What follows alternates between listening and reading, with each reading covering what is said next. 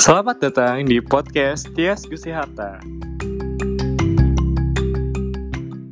Halo Kirti, apa kabar? Hai Gusti, apa kabar?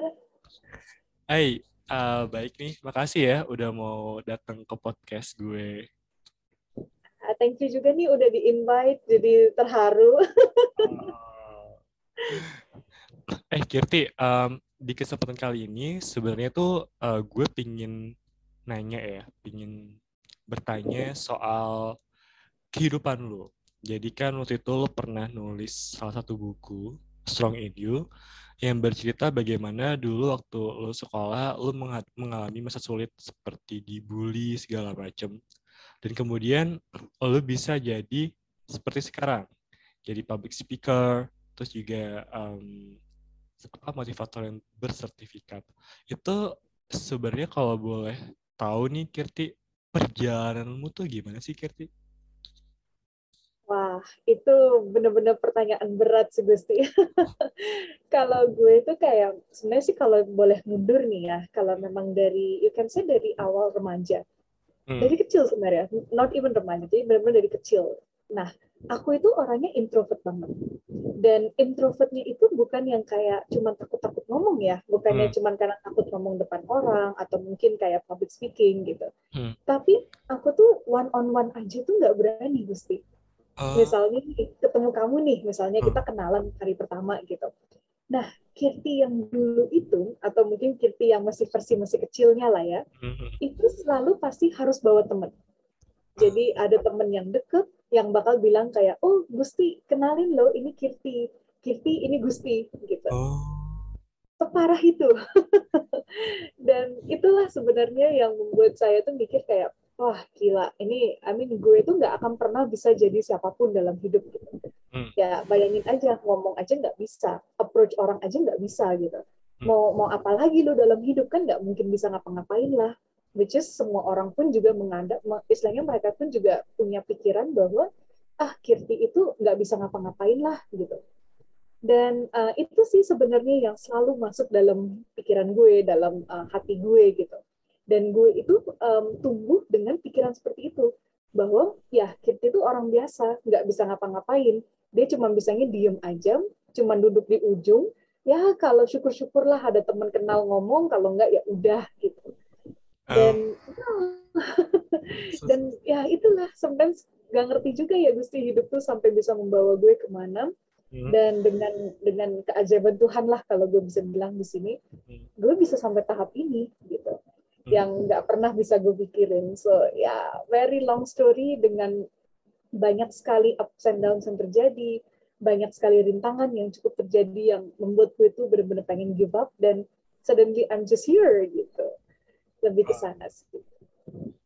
Itu kalau boleh tahu ya Kirti, itu ada kayak semacam turning point gitu nggak sih Kir? Di mana dirimu akhirnya memutuskan gue mau berubah nih dan apa sih yang bikin itu gitu triggernya atau apa? Yes, ada sih. Dan ini cukup panjang sih Gusti ceritanya. Nggak apa-apa nih. Nggak apa-apa. Saya siap. siap. Nah, sebenarnya sih dulu kalau memang ini juga sempat aku uh, openly cerita di dalam buku-bukuku juga gitu. Karena memang dulu hal ini dianggap sebagai hal yang privacy gitu ya. Tapi aku menganggap bahwa kehidupan ini justru membuat aku tuh belajar suatu hal yang I feel I should be sharing to people gitu dan kehidupan itu adalah bukan hanya Kirti yang introvert, tapi dulu gue itu ada suatu penyakit sebenarnya. Jadi um, penyakit ini mungkin uh, mungkin sekarang sudah banyak yang tahu ya. Kalau dulu itu benar-benar dianggap penyakit aneh, penyakit yang sokol dibikin-bikin gitu. Uh. Itu namanya epilepsi. Gitu. Nah, dulu itu aku epilep tanpa aku tahu sebenarnya. Uh. Jadi Uh, jadi benar-benar kayak namanya dulu kan internet nggak kayak sekarang. Yeah. Misalnya kita tuh nggak bisa main research aja gitu. Kita bingung what was happening. Dan dulu itu triggernya adalah I can say masuk SMP 1 ya, itu yang mulai-mulai uh, triggernya muncul parah gitu. Jadi SMP 1 aku stres. Ya kan namanya perubahan lah, namanya kita dulu yang dari kecil ke remaja gitu. Ada banyak hormonal issues, namanya kita lagi ber, lagi tumbuh lah sebagai remaja ada moments yang uh, istilahnya tuh masalah pertemanan kan namanya kita Yeah. anak remaja. Everything was so uh, heavy gitu ya. Lebay lah zaman dulu gitu.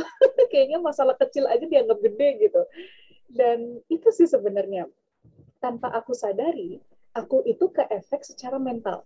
Jadi um, ya memang waktu itu masalah syaraf sih akhirnya yang tanpa aku ketahui itu ke trigger, nggak ngerti dari mana awalnya, dan itu justru membuat aku tuh bisa pingsan kapan pun separah itu. Jadi epilepsi ini yang aku alami adalah uh, jadi setiap aku stres di otak aku itu syarafnya kejepit. Syarafnya tuh akan kayak stop, kayak bakal ada kayak tiba-tiba ini gimana ya jelasinnya ya? Ya jadi yang dia tuh kayak bener-bener kejepit gitu loh. Dan oksigennya nggak bisa lewat Hmm. gitu. Jadi kalau orang bilang tuh kasarnya kayak kan kalau kita kesetrum kan ada vibrationnya gitu ya. Ah, ah, ah. Nah, tuh. Jadi setiap aku kayak sokol kesetrum dengan stres, kaget misalnya atau apa gitu, itu bakal ke trigger uh, syarafnya di otak. Akhirnya oksigennya nggak bisa lewat. Ya udah, aku uh, pingsan gitu. Nah, itu sih dan dan itu kejadian wow, I think empat tahunan tanpa aku tahu what was happening to me. Ah, Jadi dokter nggak tahu, aku sempat pergi ke dokter, mau praktek justru.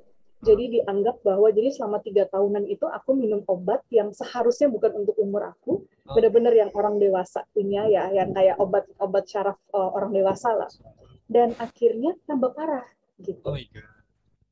Mm-mm, dan yang istilahnya mungkin dulu aku cuma berkali-kali seminggu mungkin tiga kalian gitu akhirnya setiap hari aku pasti bakal pingsan di sekolah Capek Kayak pasti. Capek gak sih kerja gitu? Capek. Aduh bukan capek lagi sih Gusti. Aku tuh ya ini sih ini adalah trigger pertama di mana kehidupan aku tuh hancur lebur. Yang mungkin sebagai introvert ya cuman ya udah nggak bisa ngomong doang gitu. Ah, tapi dengan adanya penyakit ini I'm doomed you know my family kena juga imbasnya gitu. Iya. itu sih. Dan akhirnya ini sih itu kan kejadian cukup lama. Jadi uh, taruhlah uh, hampir aku berarti hampir SMA satu waktu itu. Iya. itu masih kejadian masih malpraktek masih belum tahu what was happening. Dan selama empat tahun itu benar-benar semua teman-teman aku termasuk guru-guru aku yang memang pas itu memang nggak paham ya. Jadi aku memang ngelihat secara positifnya seperti itu. Orang-orang itu nggak paham dengan apa yang aku alami karena dokternya pun juga nggak ngasih tahu aku aku kenapa gitu. Ya kan nah itu orang selalu menganggap bahwa Kirti itu caper gitu. Jadi kayak bayangin aja gitu gue setiap kali gue pingsan gue diketawain orang gue dibilang lo caper lu gitu kan lu ngapain sih? Lu ngap apa cari perhatian kok gitu banget sih gitu. Jadi orang tuh suka let me just lie on the floor tanpa ngapa-ngapain gitu. Ini jahat banget sih. Ya ampun. ya begitu begitulah kehidupan aku selama empat tahun itu di sekolah gitu. Ah, oh my dan sampai satu titik sih Gusti yang di mana ini mami aku yang cerita ke aku Hah? bertahun-tahun setelahnya gitu Hmm. dia nggak cerita aku pada titik itu tapi dia ngasih tahu aku tuh kayaknya waktu pas sudah kuliah gitu hmm, dia bilang gini sempet waktu itu pas aku di kelas 10 hmm. aku tuh pingsan gitu ya dan kebetulan pingsannya itu lagi tiduran tuh nutupin koridor jadi benar-benar Oh. lurus Oh gitu. iya. Angin Ya jalan. kan? Jadi- Ah, ya tempat orang jalan dan lewat lalu lalang lah you Hmm. can say. Nah, tanpa aku tahu, my mom was there. Jadi mama aku tuh bener-bener melihat aku lagi tiduran di koridor seperti itu. Dan orang-orang itu ngelangkahin aku. Oh my Baik. god. Gila kan? Kayak oh my god gitu yang istilahnya teman aku, guru yang lewat, mereka tuh nggak bukan yang minggirin aku atau gimana, enggak gitu. Oh, Mereka ngelangkahin segitu? aku. Oh my god.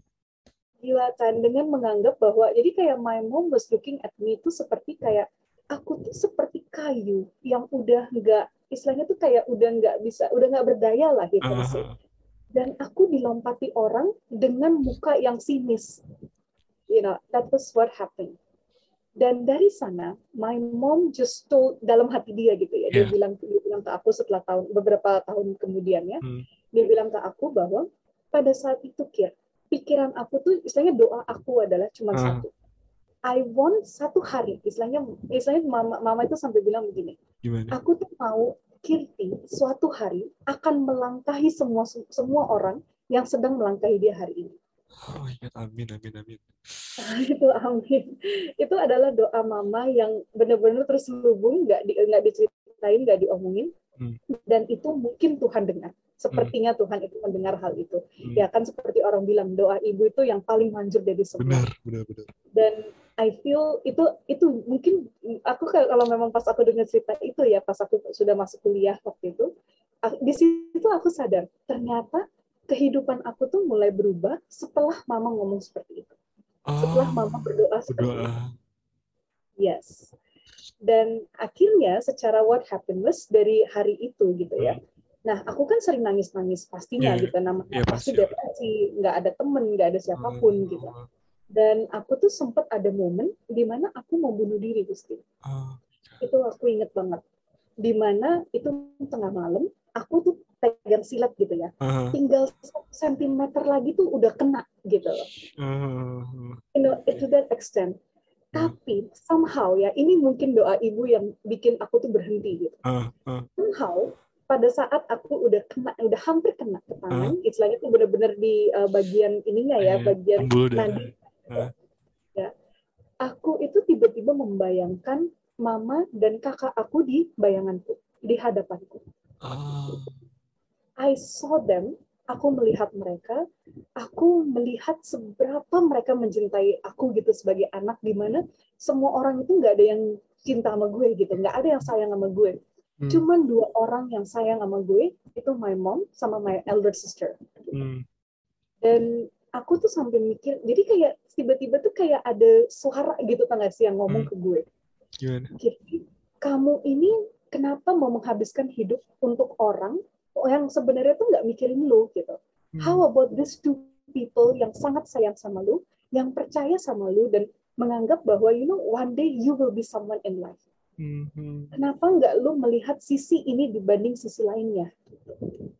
Dan itulah yang membuat aku tuh berhenti. Jatuhlah itu silet dari tangan gue. Gue pun lagi merinding sekarang pas gue lagi cerita. Ke you know, dingin tangan gue. Jadi uh, you know pada saat itu silet itu jatuh dan aku tuh nangis gitu. Hmm, dan di sanalah aku mikir oke okay, baik. This is the this is the end of my suffering gue Hmm. nggak mau lagi dianggap beban karena dulu orang selalu menganggap gue itu beban keluarga hmm, orang selalu menganggap gue itu lahir for no reason you gue useless gitu dan gue ingin membuktikan kepada mereka that I'm somebody demi kakak gue dan demi mama gue gitu hmm. So, sisi itu sih sebenarnya Gusti. Dari sanalah gue coba ngikut public speaking competition se- segila-gilanya gue gitu ya. Hmm. Karena waktu itu kompetisi yang muncul adalah public speaking. gue ikut dengan um, istilahnya dengan pikiran bahwa oh udahlah gue tinggal ngafal, gue ngomong gitu. Tapi Hmm. ternyata nggak sekampang itu kan ya. sulit ternyata. sulit banget gitu. Akhirnya ya gue flunk out gitu karena gue menghafal kayak dulu tuh gue orangnya tuh queen of um, ini ya, gue tuh queen of memorizing gitu. Hmm, Titik koma tuh gue bisa hafal separah Oh. itu gue dulu gitu.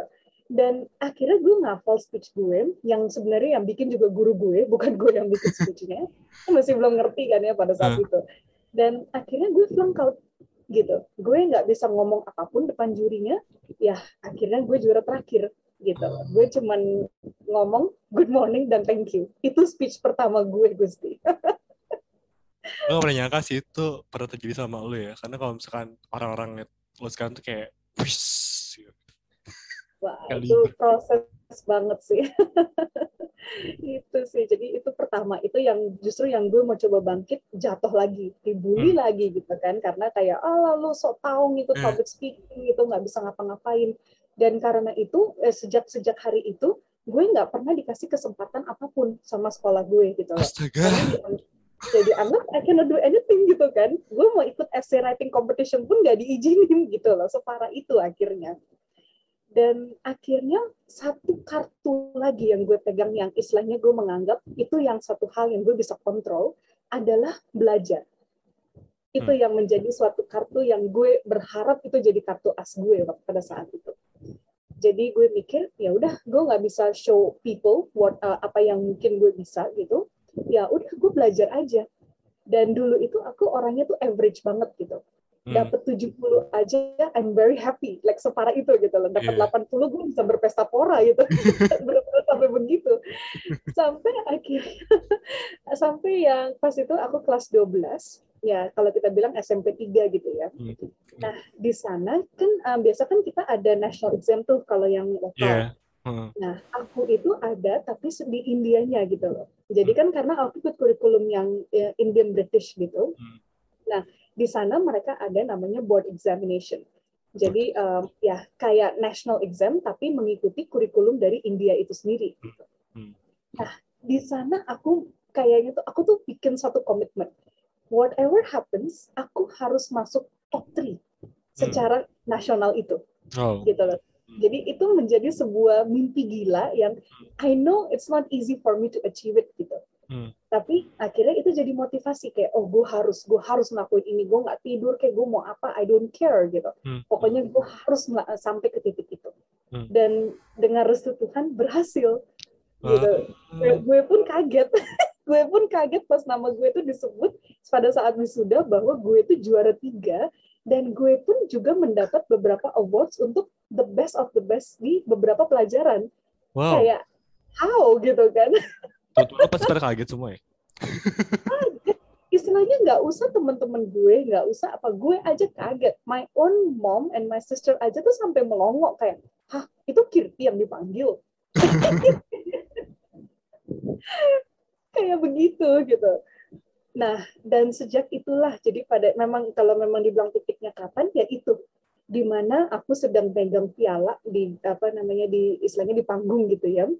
Guru aja udah kayak pokoknya satu-satu auditorium itu melongo, bingung, itu delay gitu ya. Orang kan tepuk tangan langsung gitu. Yeah, yeah. Itu delay, semuanya delay gitu di sana. Gue juga jalannya melongo dulu, bingung dulu kayak bener gue gitu kan. ya gak percaya gitu ya nggak percaya sampai suatu titik di mana ini pas aku pulang dari wisuda itu diceritain sama my mom and my sister bahwa orang tua di sana itu sampai kayak bisik-bisik. Itu Kitty yang oh. suka pingsan itu kan? Kok bisa sih dia sampai kayak begitu? Dia ngalahin anak gue loh. Yang yeah, sebenarnya yeah. gitu loh kasarnya yang dianggap mereka tuh wah ini anak hebat mestinya bisa gitu. Bener, tapi bener, pada saat itu ya sokol melangkahi itu mulai dari sana. Uh, gitu.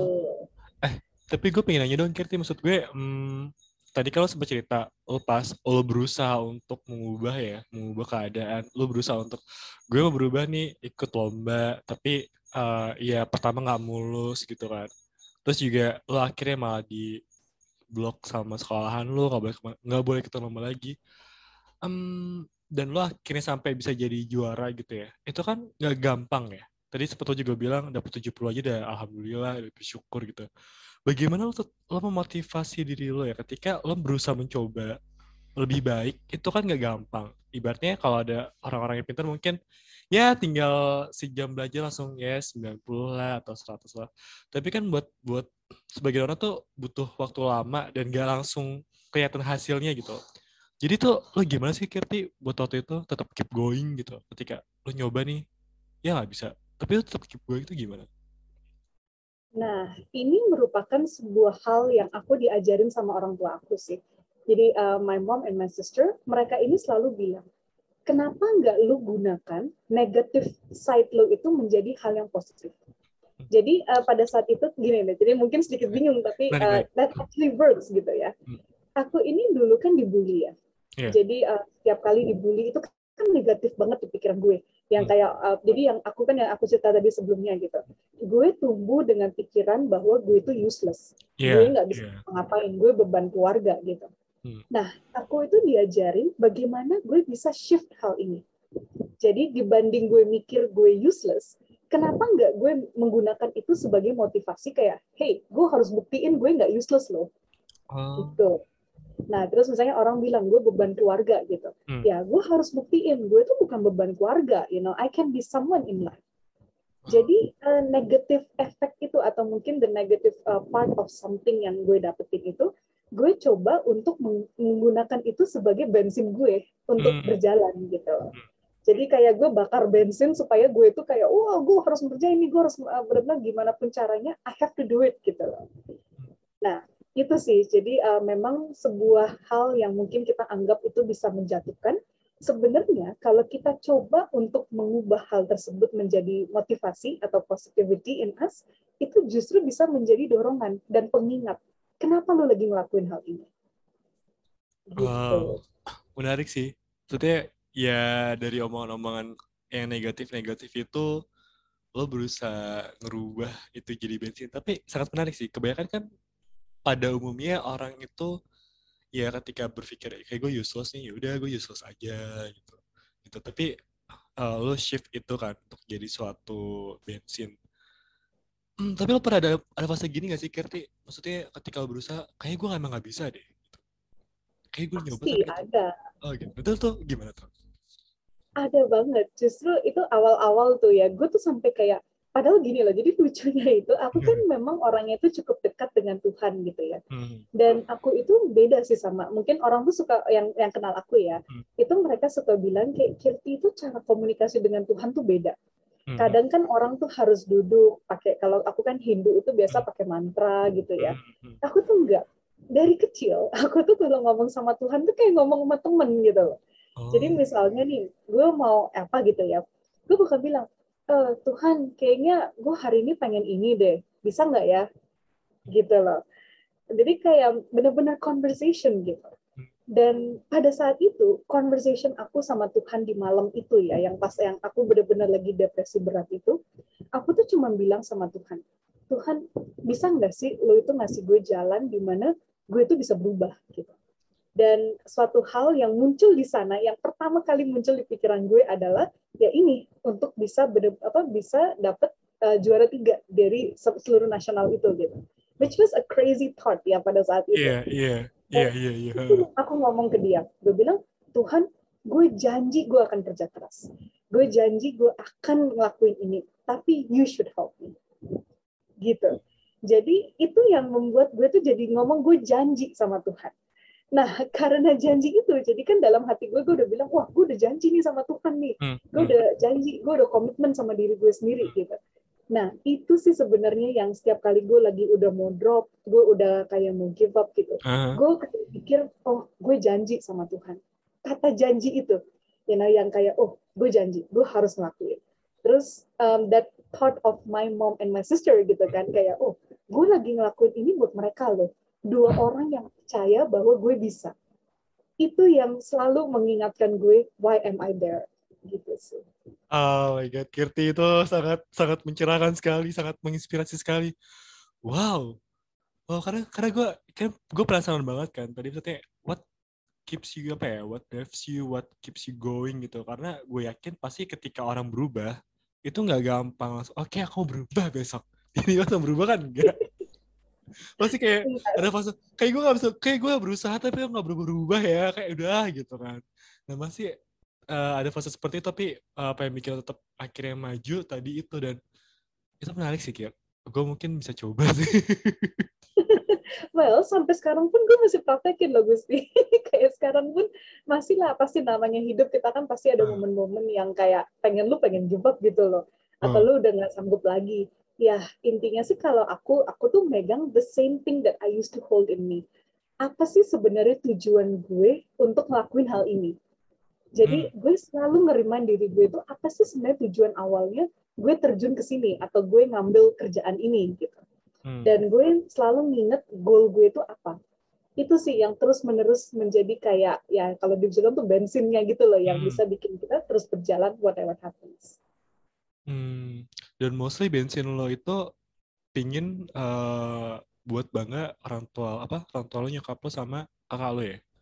Itu itu iya sampai sekarang yes. Jadi uh, memang faktor utama gue adalah jadi sekarang itu gue kan merasa bahwa oke okay, gue itu sukses karena mereka gitu. Hmm. kalau mereka awalnya nggak percaya sama gue atau mungkin mereka juga kehasut sama orang lain bahwa Kirti is useless mungkin saat ini I mean gue jujur aja gitu. Hmm. maybe I wouldn't be here mungkin gue udah bener-bener sekilat itu udah pasti kena nadi gue dan I don't know where am I gitu kan hmm.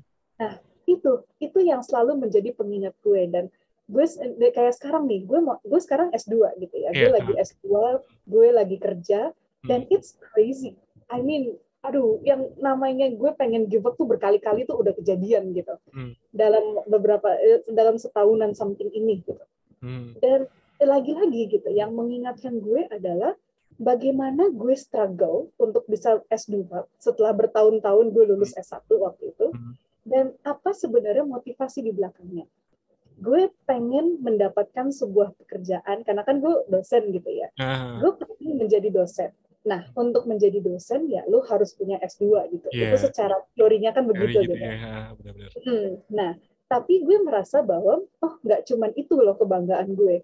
Gue tuh pengen membuat orang tua gue tuh bangga bahwa oh Kirti itu kuat loh, dia bisa S2, dia bisa kerja, dia bisa ngebiayain keluarga gitu. Jadi kayak you know that feeling yang selalu membuat gue merasa bahwa ya gue tahu sih gue bakal sakit dan bener gue sempet sakit, gue Ya, sempet give up gitu ya. Namanya pressure gitu ya. Tapi akhirnya gue bounce back lagi mengingat bahwa I'm doing this for my family. Gitu. Jadi itu sih bensin gue ke sana. Tapi ya maksud gue tuh orang-orang yang yang uh, bensinnya dari family tuh emang beda sih maksudnya. Um, gue jadi berpikir lagi bensin gue apa ya? Mesti gue review lagi. karena iya karena um, I felt um, honestly ya gue merasa bahwa sebenarnya gue tuh lagi lack of motivation. Tapi karena pas gue dengerin ngomong lo, oh iya, ya, gue ngelakuin ini tuh sebenarnya untuk apa ya sebelumnya gitu. Jadi dan dan pas gue review lagi ya, hmm, emang kurang kuat sih gitu motivasi asal awalnya. Dan karena gue tuh baru aja sempat ngobrol juga sama teman gue Kerti. Jadi dia uh, dia cowok juga, baru buat uh, kemarin ngobrol gitu dan ya bensinnya sama kayak dirimu gitu. Jadi benar-benar buat buat keluarganya gitu. So so apa ya gue gue rasa kayak pertama gue malu sih jujur. Gue malu. Gue malu sama lo sama dia karena um, I think kayak gue sama ini agak agak selfish ya. gitu. Oh justru itu bagus Gusti. Justru loh itu gue seneng lo sempet ngangkat kata selfish ini sih. Ini langsung gue ding-ding banget gitu. Gimana, gimana? Justru ya gue ini sebenarnya termasuk orang yang cukup selfish gitu. Jadi uh, selfish di sini bukan berarti secara negatif gitu ya. Like kayak tadi lo cerita, wah gue itu mungkin masih nyari nih bensin gue itu apa gitu. Hmm. Gue masih bingung gue itu sebenarnya ke arah mana. Hmm. Nah, nggak harus soal keluarga terus sih sebenarnya. Hmm. Jadi kayak gue, betul, salah satu yang cukup kuat dalam hidup gue adalah keluarga gue. Karena gue juga bangkit tuh karena mereka gitu, berkat Hmm. mereka. Tapi dalam satu sisi ada juga ego gue, ada juga that uh, apa ya, itu dorongan dalam diri gue kayak ah masa gue cuman segini sih, gue juga mau loh kayak begini gitu. Hmm. Kayak you know ada ada dorongan dalam diri gue itu yang membuat gue selfish. Jadi gue mikir ya udahlah, gue nggak pusing orang mau ngomong apa kek, orang mau apa kek, ya gue jalanin aja apa yang gue mau gitu. Nah, itu juga bisa menjadi bensin loh. Dan feeling bahwa gue pengen ngelakuin sesuatu untuk diri gue, demi diri gue. That is also very good actually. Hmm, begitu ya. oh jadi jadi jadi semangat lagi deh. Em, oke. eh Kirti, em, gue pingin ini deh Kirti, em, pingin mungkin lo mau menyampaikan beberapa pesan-pesan ya Bu- em, untuk orang-orang yang mungkin lagi dengerin terus lagi merasa mereka tuh useless. Kan ada banyak banyak hal yang bikin orang tuh useless ya. Misalkan ada yang gara-gara diperlakukan abuse sama pacarnya, dia jadi useless gitu, atau mereka kayak hidup gue gue udah hancur deh gitu, terus mau ngapain lagi gitu. Em, itu mungkin ada yang bisa lo sampaikan buat mereka supaya mereka tuh bisa semangat lagi gitu. Sure. Well, gue sih jujur aja, gue juga masih belajar dalam hidup. Gue merasa bahwa hidup itu proses gitu ya. Tapi suatu hal dari, karena kan gue jujur aja ya, masa-masa kelam gue itu gue alami sejak kecil. Dan itu yang menjadi sesuatu yang masih membekas sampai sekarang. Hmm. Trauma itu masih ada gitu. Jadi kadang-kadang kalau misalnya gue sakit nih ya, Hmm. terkadang tuh ke bawah lagi gitu loh. Ke dulu bahwa, wah gue dulu tuh pernah sakit parah. Jangan sampai gue seperti itu lagi you know that fear itu masih ada. Hmm. Nah, dan uh, of course yang tadi kayak sempat lu ceritain bahwa banyak orang sekarang juga masih merasa abusive. Dan terkadang abusive ini tidak perlu dari luar. bisa juga dari diri kita sendiri gitu karena trauma atau mungkin ya kitanya overthinking gitu ya yang sebagai orang bisa seperti itu dan itu sering terjadi gitu nah pesan gue adalah ya let just follow life gitu just follow the flow karena kita nggak pernah tahu bahwa hidup ini akan membawa kita ke mana. Like seperti gue contohnya, hmm. gue dulu yang benar-benar gue tuh dibully 10 tahun Gusti. Selama 10 tahun gue dibully, gue udah kehilangan arah hidup nggak tahu uh. ke mana. Uh. Dan akhirnya you know, some, uh, istilahnya satu hal sepele yang gue ngomong gitu, janji sama Tuhan, ingat uh. keluarga gitu ya, hmm. itu bisa menjadi sebuah turning point dalam hidup gue. Hmm dan akhirnya nih kalau ini gue cerita dikit lagi nggak apa-apa ya apa-apa nggak apa-apa gitu. Nah jadi waktu itu pas aku selesai uh, sekolah aku tuh kuliah dan again no, mengingat gue introvert gue malah dimasukin ke kuliah uh, istilahnya kampus komunikasi gitu. Kan gila yeah, gitu. like I used to hate my mom for that. Gitu. emang gak ada kampus lain apa ya gitu. Uh. Uh, tapi itu menjadi sebuah uh, challenge lagi gitu loh buat gue di mana namanya lu masuk kampus komunikasi ya nggak ada lah hari tanpa presentasi gitu kan. Gimana ya, ngomong? lagi gitu.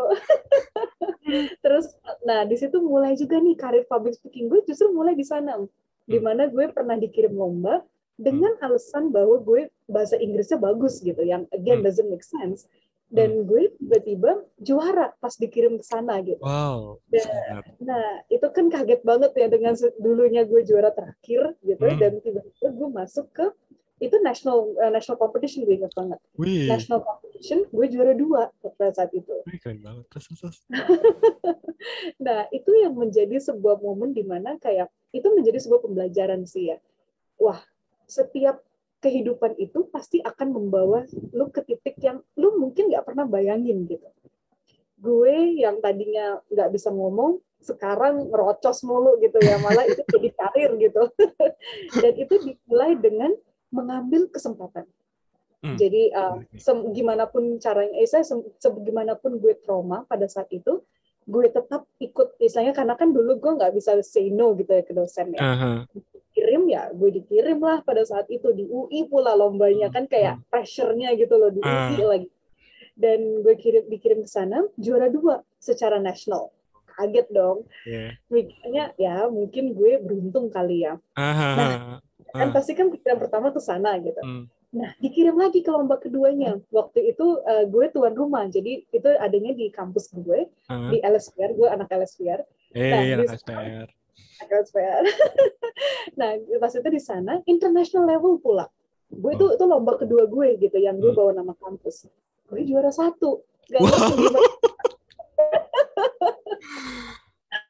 itu. Dan akhirnya, kan kaget gitu kan masih gue mikir ah ini ini kayaknya gue cuma lucky doang gitu ah, ah, ah, nah, terus mulai ke trigger nih wah kayaknya gue harus pergi lagi nih dan dosen-dosen gue juga kayak oh ya kalau ada lomba kirim kirti kirim kirti gitu. jadinya begitu gitu kan nah, setiap pergi lomba dengan restu Tuhan gue menang terus gitu oh. adalah juara tiga, juara dua, juara satu, ada pokoknya pasti kayak mau secara nasional, internasional gitu. Hmm. Gue sempat dikirim ke Korea pula membawa oh. nama Indonesia Keren ya kan kayak who can imagine that gitu kan. Ah, ah, ah. Nah itu sih sebenarnya yang akhirnya membuat gue merasa bahwa oh gue itu bisa loh, gue bisa ngelakuin sesuatu dalam hidup gitu. Hmm. Dan I'm not saying pada saat itu aku nggak kena masalah ya. Hmm. Ada momen yang di mana penyakit aku tuh sempat balik lagi. Hmm. Jadi kayaknya tahun ketiga, eh tahun kedua waktu itu, hmm. tahun kedua gue kuliah, penyakit hmm. gue balik. Jadi hmm. kondisi yang sama, yang di mana gue bisa pingsan anytime, gue oh bisa, eh, kalau kena pressure tuh mampus gitu lah, langsung hmm. jatuh, hmm. uh, udah udah sakit banget gitu. Hmm. Dan um, di sana pun gue pun, ya itulah mungkin beda juga kali ya lingkungan. Yang dulu itu tidak suportif, tapi hmm. di kampus gue dapet orang yang suportif gitu. Uh. Dan itu juga menjadi dorongan gitu. Uh. Nah, jadi kalau dari balik lagi nih ke moral gitu ya Hmm. Kalau aku belajar dari kehidupan gue adalah ya um, istilahnya itu pintu tuh ada di mana-mana. Tinggal uh, tinggal lu nya aja siap nggak sih buka pintu itu apalagi kalau lu udah di depan sana gitu. Hmm. Kalau lu dapat kesempatan itu, lu dapat kunci itu, lu berani nggak buka pintu itu? Itu hmm. pertama. Hmm. Yang kedua, bersiaplah dengan badai yang never ending. Itu pastinya. Jadi lu mau sukses apa pun, lu mau struggle apa pun, istilahnya wherever you are gitu loh pada saat ini, lu pasti akan dialami, pasti lu bakal mengalami badai yang istilahnya lu nggak pernah expect. Hmm. Nah sekarang bagaimana caranya lu melihat badai itu menjadi sebuah harapan? Hmm. You know, kadang kan aku suka bilang nih, abis hujan nanti pelangi itu muncul gitu. Yeah uh, abis badai ya gue nggak pernah dengar apa lagi abis badai ya badai pasti berlalu sih badai pasti berlalu gitu Nah, bener-bener ada lagunya kan, badai pasti berlalu. Ya, kita bikin skenario lah, abis badai, ya mungkin kita susah, pastilah susah pada saat itu. Hmm. Tapi kan setelah itu clear gitu ya. Maksudnya tiba-tiba itu um, awan tuh jadi lebih, maksudnya hmm. istilahnya tuh uh, apa sih namanya? Langit uh, ya langitnya tuh lebih cerah gitu, hmm. awannya lebih bersih gitu ya. Hmm. Ya kita coba lihatlah ke arah sana. Di mana suatu hal yang negatif belum tentu akan negatif terus menerus, tapi itu ada di tangan kita. Kita mau menganggap itu akan selamanya, atau kita menganggap itu sebagai hanya sebuah batu yang mungkin sebentar nih lu kena gitu ya, lu hmm. kesandung gitu. Nah, gimana caranya lu meskipun berdarah-darah, meskipun gigi lu copot misalnya lu kena gitu ya gigi lu copot kayak ada yang kegores kayak gitu. Nah lu tetap masih bisa bangun maju bangkit dan jalan lagi. Gitu. Wah. itu sih lebih lebih ke sana. Oh menarik nih. Gue ada pertanyaan lagi nih Kirti. Um, ketika tadi lo bilang lo pertama kali ditawarin untuk uh, lomba pas kuliah ya dan lo uh, ditawarin kesempatan lo ada perasaan takut nggak sih Kirti waktu itu? Dan apa yang tetap lo? Eh deh deh gitu. Gue lanjutin deh gitu. Meskipun gue takut gitu. Atau gue atau lo kayak ya deh gue berani atau atau gimana sih? Kira gitu. Kadang mungkin ada beberapa orang yang ya gue takut gitu. Oh, kalau balik ke sana Gusti, gue itu takutnya super takut, yang super sesuper supernya. Tapi pada saat itu ya itu gue itu orangnya paling takut to say no gue nggak bisa nolak orang pada saat itu. Karena ya mungkin kita ya sebagai anak mungkin udah sering diajarin gitu ya. Oh kalau orang ngomong apa ya terima coba belajar gitu. Ya gue gue hidup dalam dunia seperti itu dulu. Di mana kayak ya udah pokoknya apa pun ya udah coba coba gitu ya. Nah jadi pada saat gue diminta dosen gue inget banget gue itu lagi makan siang waktu itu sama hmm. temen gue. Dan tiba-tiba dosennya masuk gitu eh uh, kita ada lomba nih uh, dan gue lagi mikir mau ngajak Kirti gitu kan hmm. dengan anggapan Inggris gue bagus waktu hmm. itu speechnya itu English gitu hmm. nah jadi gue gila kayak gue tuh sempet kayak hak gue nggak yeah, iya. salah yeah. gitu kan bingung banget gitu nah tapi karena gue takut ya gue mikir ya udahlah iya jadi kan gue kayak sungkan gitu ya uh. akhirnya gue kayak oh iya iya deh aku ikut gitu kan jadi akhirnya tuh terpaksa gitu uh. nah sebulan itu. Jadi kan gue dikasih tahu bulan April gue ingat banget. Uh. lombanya tuh bulan Mei waktu itu. Deket banget ya. gila banget. Jadi selama sebulan itu gue stres gitu loh. Jadi bukannya stres kuliah tapi stres lomba. Yeah. yang kayak waduh gimana nih cara bikin speechnya? Gue bolak-balik ke dosen bahasa Inggris gue untuk mastiin everything was good everything was okay gitu ya. Nah, sampai akhirnya Gusti karena gue stres parah, sampai H minus satu itu gue masih sampai harus uh, dulu kan masih Skype ya kita belum hmm. ada Zoom gitu. Zoom. Hmm. Jadi dulu masih Skypean, gue masih nge-Skype sama dosen gue gitu. Hmm. Gimana caranya gue bisa bawain speech-nya and all that gitu. Hmm. Dan kan di UI, lombanya di Depok hmm. waktu itu. Hmm. Dan gue harus bangun pagi jam 5 subuh gitu lah ya, hmm. supaya gue bisa berangkat ke sana dan sampai on time. Hmm. Nah, jam 5 pagi itu Gusti, gue nggak bisa bangun, badan gue panas, panas banget, gue demam tinggi Nervous itu di hari lombanya. Oh, oh. gitu. Dan gue harus berangkat ke Depok waktu itu. Nah, gue udah takut dong. Pas itu gue ngecek, gue tuh udah 38, 30, udah hampir 39 lah. You pas banget. Itu pas banget tau.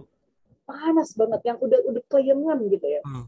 Nah, tapi karena waktu itu gue dijemput sama kan kita biasa kalau lomba itu suka ada yang nganterin lah ah, staff ah. dari kampus gitu ya. Hmm. Nah, gue dijemput karena memang kebetulan rumahnya deket, jadi dia mikir ya udahlah gue jemput lu, dan rumah gue deket tol gitu kan, hmm. jadi kan satu arah gitu. Kalian. Nah, di sana jadi tuh melihat muka gue tuh shock gitu. Kenapa lu muka lu pucat banget putih kayak begitu gitu, pakai makeup ya kelihatan gitu, gitu banget. Nah, dia megang badan gue, wah ini orang panas banget gitu. Uh, Itu sempat tuh berkali-kali. Kamu nggak mau pulang aja nih, kita nggak apa-apa kok muter balik gitu. uh, Gue uh, bilang, nggak, jangan. Gue nggak tahu somehow gitu ya, dalam Ah. diri gue itu kayak, no, no, no, pergi, nggak apa-apa, nggak apa-apa. Ah. Jadi pikiran gue adalah, kampus tuh udah bayar, masa ini Oh. masa gak enak ya? Enak gitu kan. Terus tapi itu jadi motivasi gitu nah itu kan Hmm. motivasi yang kita nggak tahu loh dari mana ini Hmm. cuman rasa takut bahwa kampus tuh udah bayarin gue lomba gitu loh. Gue mau ke mana lagi? I'm stuck gitu. Uh, uh, dan ya udah, akhirnya gue tetap ke sana gue yang lomba. Jadi selama dua hari lomba dua hari badan gue panas gitu. Hmm. dan somehow gue menang gitu kan. Yang gue bilang gue juara dua itu.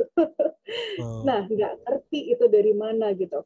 Dan dari sana gue merasa bahwa ya itu it was a luck, you know, it was Hmm. something yang ya udah gue laki-laki aja gitu. Mhm. Nah, second lomba pun begitu. Meskipun apalagi gitu kan gue tuan rumah lagi bawa nama kampus yang kebetulan tuan rumah pada saat itu. Hmm. Itu yang namanya sering pusing, gue lemes gitu yang kayak udah orang mau demam, meriang gimana gitu Iya, ya tahu pasti gak enak gitu nggak enak banget rasanya itu pun kejadian gitu dan lucunya gini loh jadi lucunya gimana? itu kita jadi jadi membuat itu menjadi hal yang ini sih bodoh sebenarnya tapi Gimana, it positif gitu. Kakak gue tuh sempet ngeledek. Dia Gimana? sampai bilang gini Kirti itu kalau sakit sebelum lomba pasti menang. Kayak bener aja gitu kan Indikatornya ah, lucu. Indikatornya bagus. kalau gue demam, kalau gue tiba-tiba sakit meriang gitu ya, misalnya ya, lebih lebih ke sana lagi lah demam, meriang, pusing, ya karena kurang tidur ya namanya lomba kan kita prepare-nya banyak gitu, Hmm. ya pasti efek gitu ya, belum stresnya, belum apa, makannya pasti nggak akan makan banyak gitu, ya mah gue naik misalnya gitu ya. Nah hal-hal seperti itu akan dianggap positif sama kakak gue. Bakal dibilang, oh bagus Kir, lu sakit, lu lagi mah, udah confirm Kir lu menang, digituin. ya lagi-lagi bodoh sih sebenarnya kalau gue mikirin lagi gitu ya. Tapi lucu sih, Kir. Itu lucu sih. parah sih kalau gue inget lagi sih, aduh Tuhan gitu. Nah, tapi justru itu yang menjadi somehow ya, jadi motivasi gitu loh. Hmm.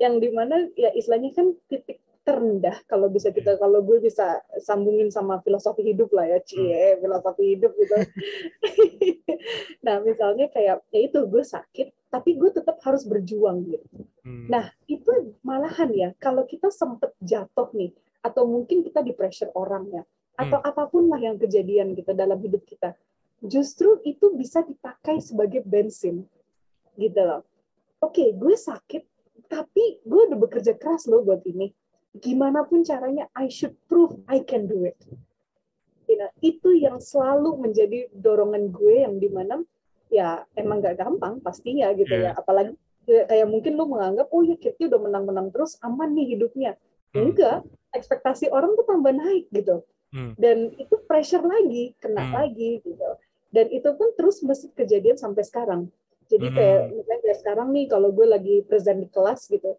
dianggap ah Kirti dosen pinter bisa gitu padahal kan ya enggak juga kan adalah setiap orang pasti punya keterbatasannya gitu Hmm. tapi lagi-lagi kita akan balik kepada bagaimana kita mengubah keterbatasan kita atau masalah kita itu menjadi sesuatu yang bisa menjadi bensin hidup kita Hmm. Jadi itu eh, pelajaran hidup yang selalu gue bawa dari dulu sampai sekarang. Gitu sih Gusti. menarik sih ketika ketika orang misalnya ya selagi sakit nih, itu lagi persiapan lomba sakit atau lagi struggle terus makin down kan kebanyakan uh, ya udahlah kayaknya emang udahan gitu. Tapi justru di situ lo malah malah jadi bensin lo ya. itu bagus sih. Gue coba mau mengaplikasikan itu di kehidupan gue sih. Jadi ketika lagi down bukannya justru harusnya apa? Give up malah, wah ini dia bensinnya, ayo lanjut lagi gitu. Keren. Eh tapi nggak gampang ya Gusti. Iya. Maksudnya ini, ini ini juga disclaimer gitu ya. Hmm. Ini bukan sesuatu yang bisa terjadi satu malam gitu lah. Kayak kayak hari ini lu down, besok lu um, kuat gitu. Nggak juga gitu. Hmm. Ini butuh proses. Dan istilahnya kehidupan kita itu ya, kalau gue suka bilang di otak gue itu ada angel sama ada devil gitu. Hmm. Jadi ada si malaikat sama ada si hantu berisik ini atau setannya gitu ya. kan sih. Nah, setan ini tuh bakal terus-menerusan gangguin lo. Gitu loh. Dia pasti akan terus-terus pressure lo yang di mana mungkin kita coba think positif ya kayak oh oke, okay, gue harus bisa nih, gue pasti bisa. Tapi hmm. otak gue bakal kayak eh lu demam lo. Iya. Yeah. Gitu kan itu pikiran muncul gitu. Eh, lu belum istirahat, Kirti. Ya, kenapa? Lo belum istirahat, Kirti, gitu. Belum ah, gitu. belum istirahat. Bener. Ada lagi yang bilang, alah, Kirti, lu tuh capek-capek diri lu doang gitu loh. Ini hmm. useless, ngapain sih lu, hmm. gitu. Hmm. Hmm. Ya, yang atau kan mungkin negatif thinkingnya ala ntar ujung-ujungnya lu kalah kok hmm, gitu kan hmm, hmm, kondisi badan begini gitu kan. Nah itu cara lu untuk bisa spinning itu ya sebenarnya untuk bisa kayak balik lagi nih ke malaikatnya itu nggak gampang. Yes. butuh proses, butuh ketenangan, butuh apa ya? Kalau aku bilang tuh kayak harus ada kekuatan diri dari, dari dalam kiri kita, harus ada suatu motivasi yang akhirnya tuh bakal kayak ketok palu, tau gak sih? Kayak, hey, gue nggak pusing lu mau ngomong apa, pokoknya I will do it. Mau gue kalah kek, mau gue menang kek, yang penting gue nggak putus asa pada saat itu. Jadi itu itu memang harus terus diperkuat sih untuk hal itu, dan itu nggak gampang. Ya perlu latihan dan proses juga Kirti ya. Yes, butuh proses dan butuh kesabaran sih sebenarnya lebih ke sana. Kirti, gue mau nanya lagi dong. Uh, kan ketika lo tadi cerita ya, ketika lo juara dua pertama kali lomba, terus kemudian lo juara satu, lo kan udah sempat fase, ah gue cuma beruntung doang nih. Kayak apa sih emang emang iya gue bisa gitu. Itu kadang kan uh, orang melihat kita lo punya potensi tapi lo nggak menyadari bahwa lo tuh punya itu. Nah sampai di mana sih titik mana kayaknya kayaknya emang gue punya bakat deh atau kayaknya emang gue bisa deh dan gue mau ngembangin deh. Itu gimana Kirti? Karena kan seperti, seperti denial nih lo lo menang-menang ah gue beruntung doang nih kayaknya kebutuhan doang nih gitu kan. Sampai akhirnya lo menyadari bahwa kayaknya emang gue bisa deh gitu terus lo akhirnya memutuskan oke okay, gue gue seriusin itu gimana Kirti sebenarnya sih gue udah mulai menyadari that something is in me hmm. itu kayaknya di lomba keempatnya deh ke lomba keempat atau ke lomba kelima hmm. jadi sebenarnya gue tuh baju tampil dulu like somehow gue baju tampil banget gitu ya di mana hmm. setiap ada lomba speech gue akan dikirim hmm. dan waktu itu tuh cukup banyak jadi setahun tuh bisa empat lima empat hmm. sampai enam lomba tuh pasti ada gitu Hmm. Nah, jadi dalam tahun yang sama, aku tuh sempet yang yang kayak mungkin lomba keempatnya lah ya. Uh. Nah, itu di sana gue merasa kayaknya dari something deh, di mana gue itu bisa ngelakuin uh, public speaking gitu. Hmm. Kayak ada sebuah passion dalam diri gue yang sebenarnya itu tinggal gue naikin, tinggal gue latih gitu. Jadi gue suka sebut ini hidden passion gitu, yang tiba-tiba hmm. muncul aja dari semua ini. Hmm. Tapi kalau dari titik yang gue menganggap bahwa oh this is me, sebenarnya ini kejadian di Korea waktu itu. Hmm. Jadi ini tahun 2013, which is hmm. gue udah lomba itu udah hampir setahun ya. Jadi kan hmm. gue lomba pertama itu Mei 2012 gitu. Hmm. Nah ini itu udah masuk ke Juni 2013 hmm. waktu itu. Jadi ya udah cukup dapat experience, udah cukup hmm. kena lah dengan beberapa uh, lomba yang berbeda-beda gitu. Hmm. Nah pas gue di Korea, ini hmm. sempat ada miskom waktu itu. Hmm. Jadi gue dijanjiin bahwa itu akan prepared speech. Jadi lu siapin semua dari Jakarta, hmm. lu boleh bawa props, lu boleh bawa apa pun gitu. Hmm. Nah, nanti di sana lu tinggal tampil. Hmm. Nah, as what I said, gue itu kan dulu pinter banget yang namanya ngafal gitu ya. Hmm. Jadi gue suka merasa bahwa oh ya udah gue oke okay, memang sih gue nggak ngafal lagi karena salah hmm. itu di speech kalau ngafal sih. Hmm. Nah, cuman lebih kayak ya udah gue bisa coba untuk latih latih latih. Gue udah dilatih dengan beberapa orang gitu hmm. dan gue menganggap oh ya udah gue confident gue bisa gitu. hmm. Hmm. dengan anggapan ya gue sudah berlatih selama sebulan waktu itu dan itu cuma satu speech waktu itu ya hmm. nah terus pas gue berangkat ke Korea what happened was ini sempat ada satu miskom yang cukup besar cukup fatal sebenarnya hmm. jadi pada saat gue sampai ini besoknya lombanya gitu ya hmm. Di istilahnya itu siang itu gue hmm. dikasih tahu bahwa uh, kan kan gue cuma bilang eh gue ada properti loh. Jadi waktu itu gue uh. memang bawa properti ya. Gue bilang uh, ke panitianya gue ada properti nanti gue taruh di mana ya? Karena hmm. I don't want to show it in the first time of the speech gue maunya nanti gitu. Hmm. orangnya tuh kayak mukanya kaget gitu. Hah? Properti? Emang lo tahu speechnya tentang apa? Bingung ya gue coba terus gue bilang lah bukannya kita udah dikasih tema? Ya gue langsung gitu kan. Pas itu Ah. ada dosen gue waktu itu yang nemenin. Ah, nah terus kita berdua di sana gitu. Muka kita tuh aneh banget gitu kan. Ya gue bingung maksudnya apa gitu. Dia Hmm. bilang lo kan eh, temanya baru bakal dikasih tahu besok. Maksud orangnya itu impromptu. Oh. gitu. Gue shock dong. Gue bilang sejak kapan jadi impromptu? gitu kan.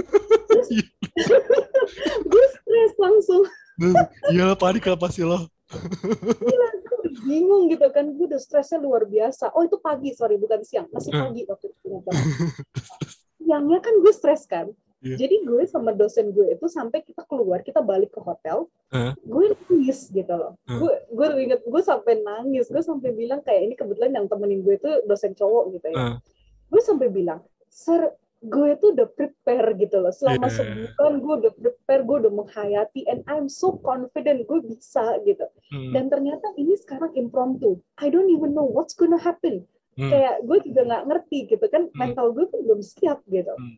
akhirnya ya Gusti di hari itu juga gue sampai dilatih sama dosen gue full. I think ada empat empat jaman tuh ada gitu loh. Ah, Korea itu saat itu lagi dingin gitu ya. Pada saat itu memang lagi musimnya tuh musim yang ya can say tuh berapa ya? 16 17 derajat Hmm. lah. Kalau lu lagi di luar gitu. Gue duduk di luar sama dosen gue di luar hotel. Hah? Em, kita duduk benar-benar gue inget banget itu skenario nya gue lagi di tangga sama dia gitu ya. Kayak Aha. tangga di kanan. Dia ngelemparin gue questions dari different em, kategori gitu. ah, Misalnya education, politik, ekonomi gitu. hmm, Terus dia juga untungnya dosen gitu ya. Iya, dia terus ngasih tau gue kalau gue nggak tahu so kan gue nggak tahu politik ekonomi gitu ya. Ah, dia ngasih tahu oh sekarang di dunia tuh begini loh ini begini lagi terjadi Korea begini Indonesia begini gitu. Hmm. akhirnya gue kayak ada crash course selama empat em, apa namanya empat jam jam. itu sama dia gitu supaya gue bisa dipersiapin sama dia ah, dan sempat ada beberapa ini yang gue bersyukur banget iya, iya. sempat ada satu philosophical questions yang sempat dikasih kayak ibaratnya tuh kayak apel yang ya pokoknya sempet lah gue inget banget ada kata-kata apel yang dulu dibikin filosofis sama dosen gue Hmm, gitu. hmm, Nah dari sana kan gue bela- belajar belajar belajar terus ya. Hmm. Kena dong angin dingin di luar waktu itu karena kelamaan gitu ya. angin. Sakit. Oh, Malam, tengah malam, eh bukan tengah malam, lebih kayak jam 9 dan 10 malam pas gue mau tidur, mau istirahat, ah, badan gue panas lagi. Panas dan this time bener-bener 40 derajat. oh my This time god. 40. Dan itu tuh di negeri orang gitu gak sih? Lu bingung nyari obatnya gimana, gimana gimana? Bingung banget. Untung orang Indo semua tuh banyak. Jadi ada beberapa orang Indonesia yang sempat ikut kayak ini like conference gitu. Hmm, Tapi kayak salah satunya itu ada um, public speaking competition-nya lah Hmm. gitu. Nah, di sana ya orang Indonesia ya punya tolak angin. ada salon pas gitu ya, ada fresh care waktu itu. Ini gue jadi sebut merek kan ya. Jadi kayak oh, oh. ya kayak begitu ya. Hmm. Itu sempet ngamatin gue. Terus ada satu orang yang kan deket-deket kita tuh ada minimart gitu ya. Hmm. Gue dibeliin kayak bubur instan ya, kayak super bubur gitulah you can say. Hmm, Gue sempet dipaksa makan, gue sempet dipaksa kayak lu harus kuat, lu harus kuat gitu. Hmm. Gue ditemenin, gue tidur tuh ditemenin ada dua cewek yang tidur sama gue, hmm, just to make sure gue itu oke gitu. Hmm. Nah akhirnya the next day pagi-pagi, um, Hmm. gue bangun tuh udah keliengan banget gitu ya iya.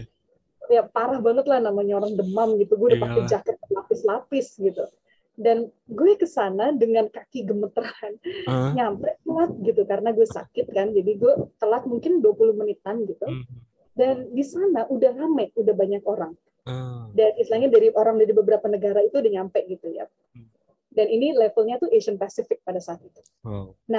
pada saat itu gue masuk dengan muka yang udah pucat gitu ya. Hmm. dosen gue nggak ada dosen gue udah di tempat yang uh, untuk audience gitu. Ah, gue masuk dan gue tanya begini sama orangnya "Em, udah diundi belum ya?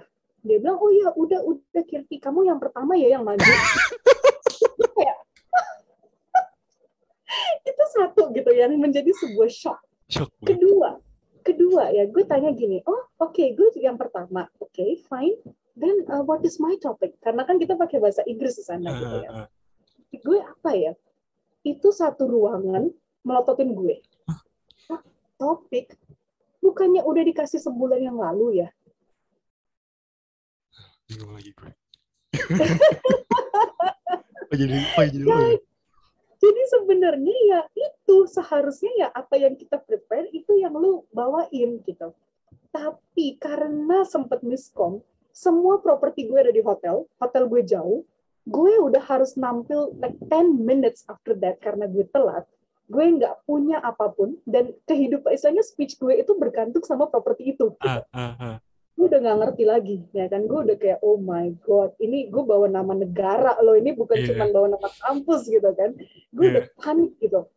Akhirnya dalam waktu 10 menit itu Gusti, gue jalan keluar dari ruangan meeting, ya istilahnya karantin room-nya lah ya pada saat itu ruang karantinanya.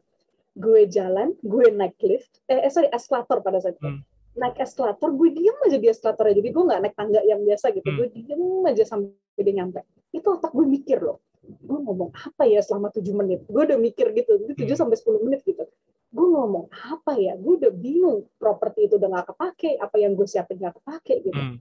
sampai akhirnya semua yang dosen gue ngomongin pada saat kita yang crash Oke. course kemarin filosofi Apple gue gue agak lupa sih speech apa tapi ada Apple filosofi save my life gitu loh oh gue ngomongin education gue ingat banget gue Ah. ngomongin education dan di mana gue ngomong tuh ibaratnya tuh seperti Apple gitu loh Hmm. apel yang kita jaga, yang kita tuh masukin. Saya ada beberapa filosofi yang ya gue apa campurin air, garam lah, apalah Hmm. ya pokoknya Hmm. ada beberapa hal gitu. Hmm. Dan bagaimana apel itu bisa menyelamatkan hidup kita pada saat kita lapar, pada saat kita itu sakit gitu. Ah. Like itu super fruit gitu kan ya. Nah, itu yang gue pakai menjadi speech gue Wow. gitu. In 10 minutes. Bagaimana dalam waktu 10 menit sambil gue jalan, sambil mic itu dipasang, sambil gue tes voice gitu ya. Hmm. Dalam waktu 10 menit otak gue berjalan, oke, gue akan ngomong ini, ini, ini, ini, ini selama 10 menit. Gitu. Dan itu that was the first time first time ever yang nim- ya, so, emang si impromptu tuh ada ya di setiap lomba Hmm. gitu. Tapi kan nggak sampai 7 sampai 10 menit Iya. Ngomongin apa? sepanjang itu gitu kan paling dua menit kan. Ya. itu itu saat itulah di mana gue maju ke panggung dengan kondisi sakit kondisi stres nggak tahu mau gimana lagi tangan gue udah gemeteran dan gue ngomong tuh as if nothing has happened dosen gue aja melongo gitu loh Ah. kayak what happened kok lu bisanya tuh kayak lu kayak air gitu kayak you are so passionate for what you are sharing lu tuh bener-bener kayak menghayati kayak lu udah berlatih tuh selama berbulan-bulan bawaan gue seperti itu Wow. Nah, dan di sana yang di mana kan gue merasa kayak, oh how did that happen? Gue juga nanya diri gue lagi, Ah. how did that happen gitu kan? Dan meskipun gue nggak menang sih sebenarnya, gue sempet nggak menang dan um, apa ya udah gue sempet sedih sebenarnya Ah. waktu itu. Nah, is- tapi satu titik lagi yang di mana ini yang menjadi sebuah hal yang membuat gue percaya sebagai public speaker. Ada beberapa orang dari negara lain itu sempat datengin gue kan malamnya sempat ada kayak party night Gathering, gitu lah gathering gitu. gathering yang kayak closing ceremony-nya gitu. Hmm. Nah, orang-orang ini yang gue nggak kenal gitu ya dari beberapa negara, they came to me dan dosen gue juga pas ada di situ, dia sampai bilang gini, kamu ini orang Indonesia kan? Gue Hmm. bilang iya. Dan oh, I never know Indonesians are that smart. Oh my God. Gitu. Thank you, Kirti. Jadi, waduh, gue juga terharu sih Gusti gila. Yang di mana gue kayak gue sempet shock, gue mau kayak gue ngomong apa gitu kan. Hmm. Dan uh, gue cuma bilang, oh thank you. Terus dia kayak, yes Kirti, you know, before we saw your speech, nih gue ngomong bahasa Inggris dengan Hmm. apa yang mereka ngomong gitu ya. Hmm. Dia bilang, before we saw your speech, we always thought that Indonesians are stupid. But then the way you brought it up, the way you have made, uh, you have inspired us. And that have changed the way we have seen all of you here. Oh, thank you banget, Kirti. gue merinding Gusti. Oh my God. itu itu adalah titik di mana gue merasa wow dengan apa yang gue gue ngomong dari hati pada saat itu Ah. karena gue udah kebahan gitu ya Hmm. gue ngomong dari hati gue ngomong dari apa yang gue itu suka gitu gue suka pendidikan gue ngomong soal pendidikan Hmm. dan itu bisa mengubah gak cuman kehidupan gue meskipun gue kalah gitu Hmm. tapi orang itu melihat gue tuh lebih baik dibanding yang juara satu pada saat Hmm. itu itu yang pertama Oh. dan yang kedua adalah bagaimana speech gue yang segitu simple, yang cuma nonton tuh paling ratusan orang gitu ya, Hmm. itu bisa mengubah pikiran atau persepsi orang mengenai negara kita. Wow. Itu tuh. Amazing sih. That was the point yang di mana gue merasa, oke, gue bisa, gue mampu, and I should be continuing this. Oh, Gitu. wow, Kirti, keren banget sih. Tapi gue jadi belajar dari dari cerita lo ya. Maksudnya nggak ada perjuangan yang sia-sia ya. Maksudnya diri mau nyiapin sebulan, props segala macem, tiba-tiba nggak jadi. Oke lo shift the plan, belajar crash, crash course itu 4 jam. Kita beda lagi. gue kok jadi lo dah. Oke. gitu. Nah, itu tetap sebenarnya itu titik gue itu sebenarnya kalau gue bilang ya itu adalah titik yang membuktikan kakak gue kalau Kirti sakit tuh pasti menang gitu loh.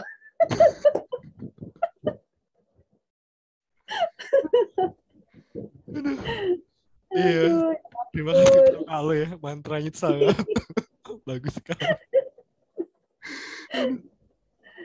Iya, dan dan pada akhirnya dari cerita lo itu bahwa ya udah akhirnya lo berpikir lagi mau dari awal lagi in 10 minutes lo bikin lagi dan at the end ya semen- mungkin ya lo sedih tadi kan sedih karena nggak dapet eh, juara. Cuman at least you get the bigger apa ya lo lebih dapet yang lebih besar gitu. Kayak pengakuan dari negara lain lo juga di komplimen mereka dan lo dapet kayak turning point lulus itu gue jadi belajar bahwa ya nggak ada sia-sia ya gitu. Di dalam perjuangannya meskipun nggak sesuai apa yang kita pikirkan awalnya Yes. Bener banget, Gusti. Setuju banget. Ya, I feel apa pun yang kita ngelakuin gitu ya. Asalkan kita ngelakuin dengan hati kita, kita tuh tulus dengan hal itu. And if it is meant for us, yang memang istilahnya itu akan ke kita, gimana pun caranya pasti akan datang. Mungkin nggak hari ini, mungkin nggak besok, bisa bertahun-tahun. Mungkin lu kayak, ini sih satu istilah yang gue pengen share sih. Gimana gimana, gimana? kayak gue juga sempet cerita ini ke teman-teman dan gue sempet nulis ini di buku gue juga. Hmm. Ini menjadi sebuah prinsip di mana gue selalu hold on. Untuk menjadi sebuah berlian, lu pasti harus bener-bener kayak lu harus ditekan gitu loh sama api, lu harus diasah gitu pakai pisau yang bener-bener tajam. Hmm. Belum tentu jadi gitu kan, masih harus di uh, apa dipolish lagi dan belum tentu orang tuh akan terima lu secara langsung Hmm. gitu loh. Itu butuh proses untuk sebagai ber- untuk membuat berlian yang miliaran miliaran rupiah gitu ya. Hmm. Itu proses yang luar biasa. Jadi gue selalu menganggap bahwa ya oke mungkin kita dihadapi dengan panas, dengan tusukan-tusukan pisau gitu, asahan-asahan yang ada. Mungkin karena Tuhan sedang mempersiapkan kita untuk menjadi berlian gitu loh. Dengan diri kita sendiri ya, dengan cara kita sendiri. Dan itulah yang justru bisa menjadi sebuah hal yang bikin gue merasa, oh mungkin gue diajarin ini karena gue dipersiapin nih untuk hal ini. Gitu. Jadi ya nggak ada yang sia-sia, nggak ada yang sebenarnya itu kayak oh I get problem for nothing gitu. Itu itu kepercayaan gue sih. Wah, Kirti itu sangat sangat mencerahkan sekali ya karena karena mungkin ada beberapa orang di sana di luar sana yang masa kok hidup gue masalah terus ya gitu. Kadang iya sih, kok kayaknya gue eh, masalah terus dan kayaknya masa em, sulit terus. Tapi ketika kita shift our perspektif ya, bahwa sebenarnya apa yang terjadi sama kita, hal yang gak enak itu untuk kebaikan kita ke depannya itu jadi jadi jadi bikin semangat hidup lagi ya. Betul. ya, butuh kesabaran karena belum tentu apa yang kita harapkan sekarang akan terjadi sekarang. Terkadang ada momen-momen yang mungkin kita akan mendapatkan sesuatu unexpected gitu ya. At an unexpected moment. Kadang kita kayak dulu nih, gue kasih cerita Iya. simple deh. Gue pengen S2 sejak gue lulus S1 gitu. Hmm. Gue lulus 2014. Hmm. 2015 gue udah coba untuk uh, apply S2. Tapi kayak ya maksudnya kan hidup gue itu gue bukan orang yang rich rich gitu ya. Hmm. Jadi gue harus kerja dan uh, untuk nutupin biaya S2 gue ya gue harus kerja gitu. Dulu. Dan pastinya kan ya namanya gue baru lulus S1, gue nggak punya kerjaan yang segitunya. Hmm. Jadi gue bergantung sama scholarship pada saat itu. Dan gue coba nih ke beberapa tempat gue uh, masukin application gue dengan gue, istilahnya kan gue pikirannya dulu tuh kayak, oh gue tuh kumlot gitu, gue punya ini, ini, ini, ini, Iya, gue iya, lomba iya. ini gitu ya. Dengan kepercayaan itu loh Gusti, gue sempet kayak, oh yaudah gue pasti dapet scholarship gitu. Hmm. Ternyata enggak, semuanya itu nolak gitu loh. Lu bayangin aja, semua nolak, ada satu yang terima, tapi dia nerimanya tuh cuma ngasih gue 20% dari 100% Partial itu. doang ya.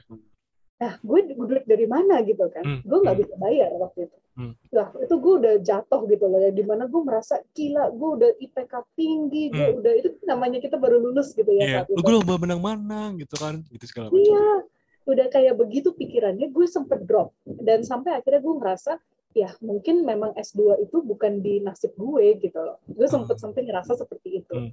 Tapi out of the blue loh kemarin Gusti, pas pandemi ya, Hmm. itu 2020, di mana kita semua tuh hidup berantakan gitu ya. Iya, Dari awal-awal pandemi ya waktu itu. Nah, di bulan Mei, ya ini kayaknya bulan Mei ini bersejarah ya buat gue. Ada aja kejadian bulan Mei gitu. Dan jadi bulan Mei itu gue sempet dihadapkan pada suatu situasi yang bikin gue marah gitu. Gue nggak usah cerita banyak sih ya. Hmm, hmm. Tapi ada suatu situasi yang di mana gue ke trigger. Gue mikir gini, gila, gue udah ngabisin hidup gue tuh untuk ngelakuin hal itu gitu. Hmm, Ada sesuatu yang gue sempet dedicated banget.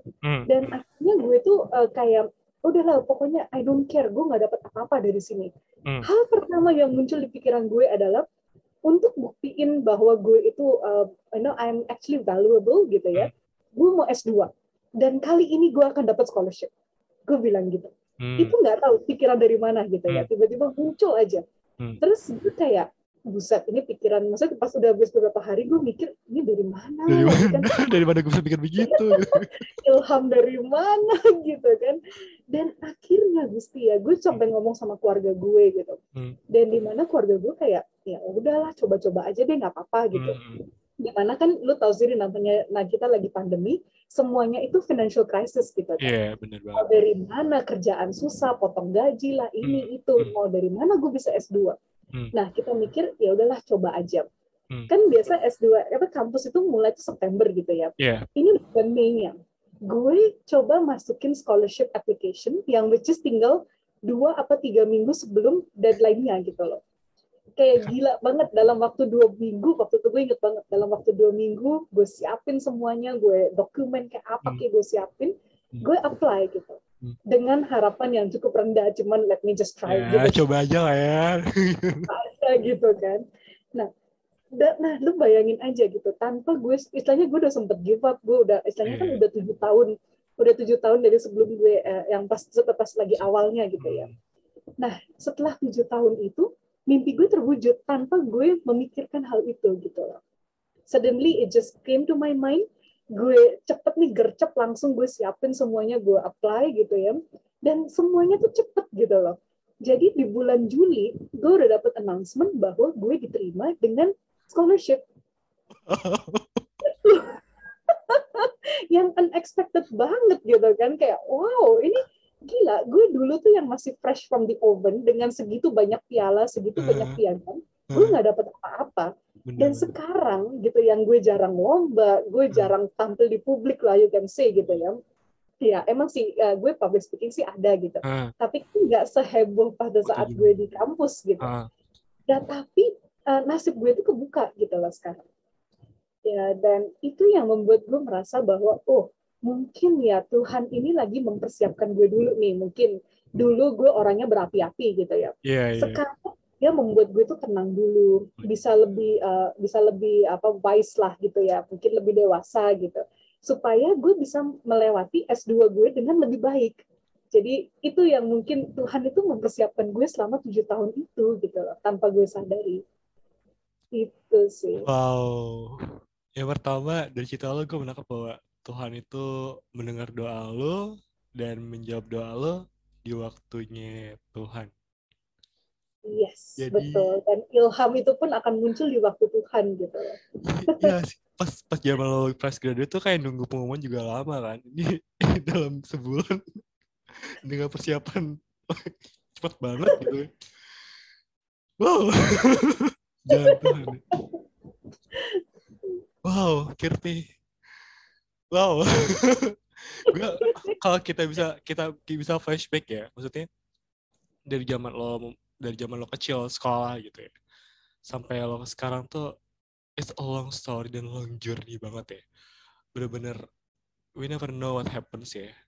Dan gue bangga sih sama lo sih. Bangga karena lo bisa uh, melewati itu, lo bisa uh, jadi lebih baik dan lo sekarang bisa nge-share pengalaman ini dan bisa nyemangatin yang lainnya.